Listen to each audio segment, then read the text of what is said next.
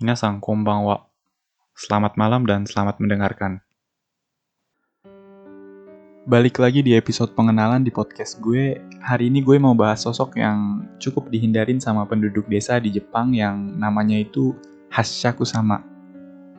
Mungkin suka ada komentar masuk kayak, kenapa sih nggak bahas sosok-sosok yang lebih umum dikenal kayak Sadako, Kayako, Kuchisake, dan iya, itu nanti ada segmen tersendiri ya. Seenggaknya itu bukan di segmen pengenalan ini. Sesuai namanya, segmen ini segmen pengenalan. Yang mana kalau bahas yang udah dikenal kayak Sadako dan kawannya, ya kalian udah kenal dari sananya duluan. Jadi nggak perlu dikenalin lagi gitu. Oke, masuk ke pembahasannya. Hashaku sama ini sebenarnya bukan nama ya, tapi julukan. Hashaku dalam bahasa Jepang artinya 8 kaki atau 8 feet gitu ya, yang artinya itu sosoknya ini tingginya sekitar 2,4 meter. Dan kalau di barat mungkin dulu sempat rame yang namanya Slenderman. Nah ini mirip-mirip kayak gitu, tapi ini berwujud perempuan. Dan katanya parasnya lumayan cantik di mata orang-orang waktu itu.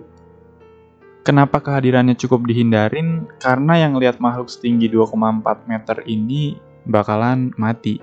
Atau dibunuh ya lebih tepatnya sama dia itu. Contoh ceritanya kayak gini.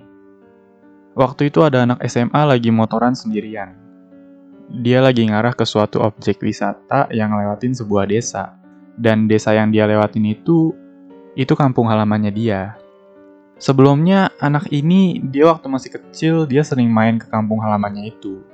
Dan desa itu, itu dari stasiun terdekat aja butuh waktu 2 jam pakai mobil. Dan ya intinya pedalaman lah gitu. Di desa itu ada kakek sama neneknya yang tinggal di sana. Nah, dia ini mau mampir ke sana sebelum ngelanjutin touringnya itu.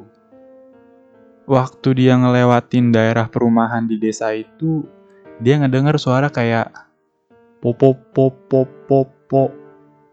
Terus dia lihat ada topi, topi model jerami itu warna putih yang tergeletak di atas rerumputan pagar rumah. Jadi ada pagar rumah yang tinggi gitu, yang model pagarnya itu ditumbuhin sama tanaman, rumput-rumput gitu, biar tanamannya itu jadi pengganti dinding gitu ya, buat nutupin rumahnya itu. Nah terus dia lihat ada topi, modelan topi jerami yang tadi warna putih itu, itu ada ditaruh di atas pagar tanamannya itu. Dan waktu dia makin deket sama rumah itu, topi warna putih itu gerak ke samping. Dia gerak kayak ngambang di atas udara gitu. Dan waktu dia ngelewatin rumah itu, ternyata itu bukan topi yang ditaro. Tapi topi itu dipakai di atas kepala. Tinggi pagar itu tadi lebih dari 2 meter. Jadi otomatis orang yang pakai topi itu juga harus lebih dari 2 meter tingginya.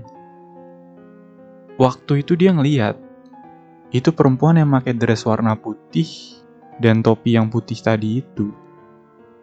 Dia bilang, gila itu perempuan tinggi banget. Dan waktu itu dia cuma ngira kayak itu perempuan yang pakai sepatu hak super tebel aja gitu, nggak nggak nganggep dia murni tingginya segitu. Akhirnya dia lewat aja gitu dari rumah itu ninggalin si perempuannya itu. Sampai di rumah kakek, dia cerita kalau tadi di jalan dia ketemu sama perempuan yang tingginya sekitar 2 meter. Dia pakai topi warna putih sama dress warna putih.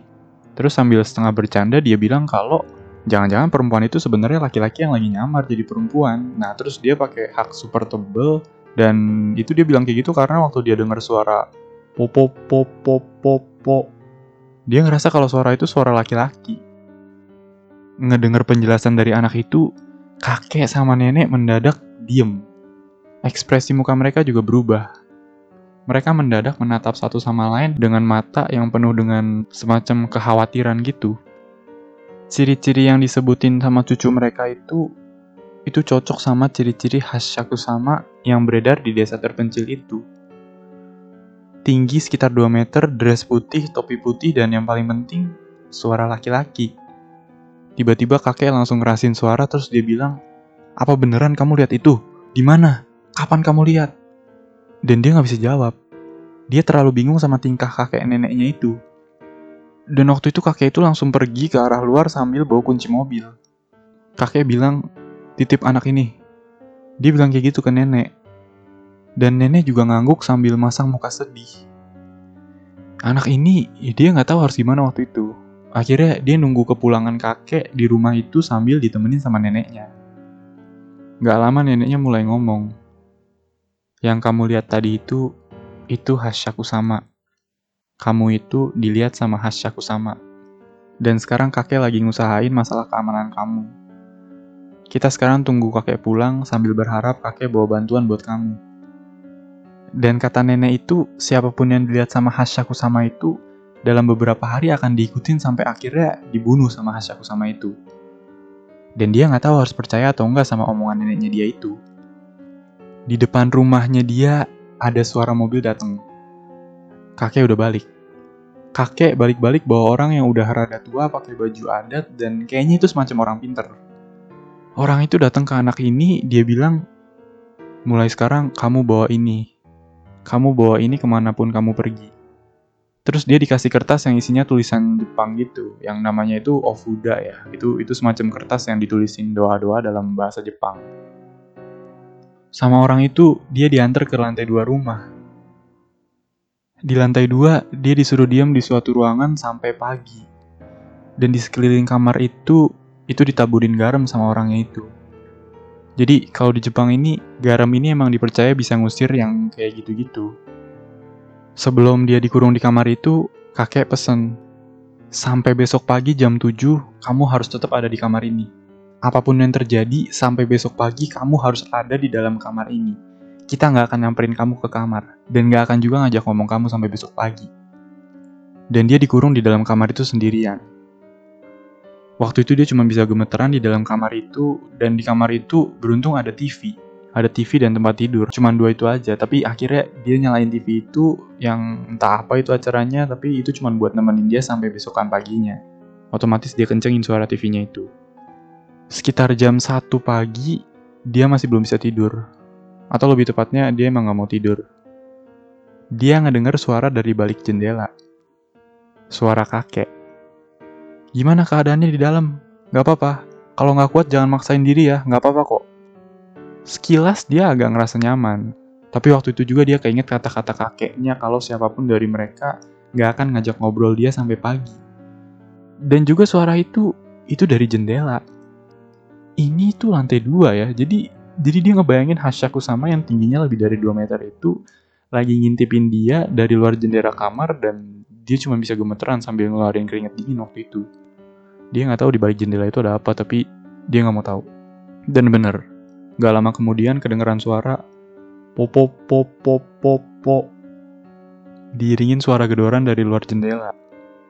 Dan dia cuma bisa ngumpet di balik selimut nunggu sampai pagi. Besokan paginya, neneknya dia bukain pintu kamar itu. Dan pemandangan pertama yang dilihat sama neneknya itu itu garam yang ditabur di seluruh ruangan itu udah berubah warnanya jadi warna hitam. Dan sama nenek dia, dia ini langsung dikeluarin dari kamar terus dibawa ke lantai satu. Di luar rumah, dia lihat udah banyak mobil yang nungguin dia dan dan dia disuruh masuk ke salah satu mobil itu. Kayaknya dia mau dipindahin ke suatu tempat dan mobil-mobil lainnya itu maksudnya itu ada buat ngejagain dianya itu. Waktu dia udah duduk di mobil, sebelum berangkat kakeknya pesen, Mulai dari sini sampai ke tempat tujuan, selama perjalanan kamu tetap madep bawah dan jangan ngadep keluar. Sepanjang perjalanan nanti mungkin ada yang akan terus ngikutin kamu. Kita semua nggak bisa ngeliat, tapi kamu sendiri mungkin bisa ngeliat. Dan mobil mulai berangkat. Dan iya, di sepanjang perjalanan itu kedengeran suara popo popo popo yang kayaknya itu cuman dia doang yang denger. Karena orang-orang yang semobil sama dia kayak nggak nggak ngerasain apa pun, nggak nggak ngerasa keganggu sama sekali. Sampai si Hasyaku samanya ini dia ngetok kaca jendela mobil. Tok tok tok tok tok. Di situ baru yang lainnya sadar dan mulai naikin kecepatan mobilnya itu. Dan juga anak ini sekilas dia ngelihat ke arah luar jendela. Dia lihat topi putih, dress putih, Hasyaku sama itu ngikutin dia dengan kecepatan yang hampir sama kayak mobil itu. Di situ dia ngerasa kalau dia nggak segampang itu bisa lari dari kejarannya itu. Sampai di tempat tujuan, ternyata itu kuil. Dan dia dikelilingin sama semacam sepuh yang ada di kuilnya itu. Dan hari itu juga dia disuruh ngurung diri di dalam salah satu kamar yang disediain di dalam kuilnya itu. Tujuannya sama, supaya bisa lolos dari kejarannya Hasyaku sama itu. Mereka cuma bisa nunggu kejaran dari Hasyaku samanya itu ngereda dan dia udah mulai bosen sama anak ini. Dan otomatis kali ini bukan cuma sehari, tapi berbulan-bulan. Bahkan mungkin bisa lebih dari hitungan tahun. Dan waktu itu kakek cuma bisa pasrah ngelepas cucunya itu buat dititipin di kuilnya itu. Dulu kakek pernah kehilangan teman dekatnya itu karena waktu kecil temannya itu ngelihat orang yang tingginya lebih dari 2 meter. Dan Hasyaku sama ini dia emang ngincer orang yang belum ngelewatin masa upacara kedewasaan atau belum ngelewatin usia 20. Dan untuk yang kali ini, kakek cuma bisa berharap kejadian kayak dulu itu nggak keulang lagi sama cucunya dia ini.